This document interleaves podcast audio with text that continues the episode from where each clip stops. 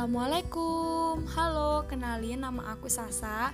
Jadi hari ini aku bakal kasih teman-teman semua pencerahan atau e, seperti ilmu buat teman-teman semua. Jadi hari ini aku bakal kasih teman-teman pencerahan tentang bersyukur atau syukur. Pasti teman-teman udah gak asing banget sama kata-kata itu. Ketika kalian merasa lagi ngomong sama teman kalian kayak gini oh, aku pengen deh HP kayak dia kayak gitu. Padahal HP kalian juga bagus. Terus teman kalian bilang udah bersyukur aja. Pasti teman-teman kalian ngomong kayak gitu. Uh, oke. Okay. syukur dalam penerapannya mempunyai banyak dimensi dan warna yang berbeda-beda.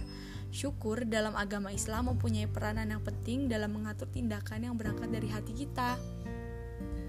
Ketika kita melakukan ketika kita menerapkan rasa, rasa bersyukur itu yang benar pasti akan melahirkan perilaku yang baik dan tepat.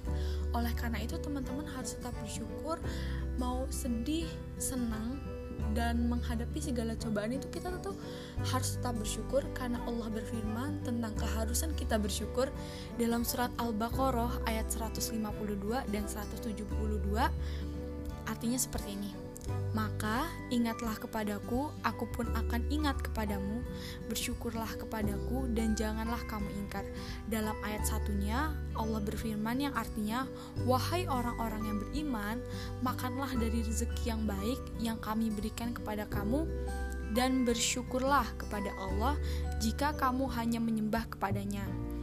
Udah jelas banget kan teman-teman, dua ayat di atas itu menjelaskan memerintahkan kita untuk bersyukur atas apa saja yang Allah beri.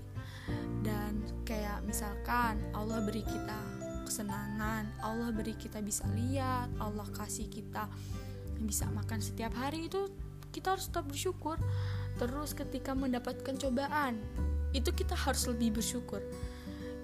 Allah tuh ketika kasih kita cobaan itu berarti Allah tuh sayang sama kita dan kita harus tetap bersyukur sama cobaan yang kita dapat.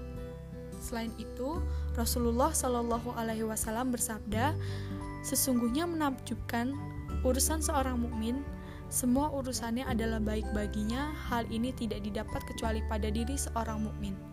Apabila mendapatkan kesenangan, dia bersyukur, maka yang demikian itu merupakan kebaikan baginya. Sebaliknya, apabila tertimpa kesusahan, dia pun bersabar, maka yang demikian ini merupakan kebaikan pula baginya. Hadis riwayat Muslim.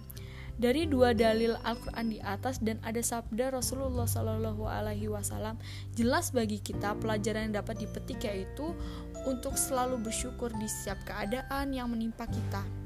Jangan sampai kita termasuk orang-orang yang mengingkari nikmat sehingga mendapatkan azab dari Allah. Semoga kita bisa mengamalkan syukur ini dalam setiap kehidupan kita. Amin ya Robbal 'Alamin. Sekian dari saya. Wassalamualaikum warahmatullahi wabarakatuh.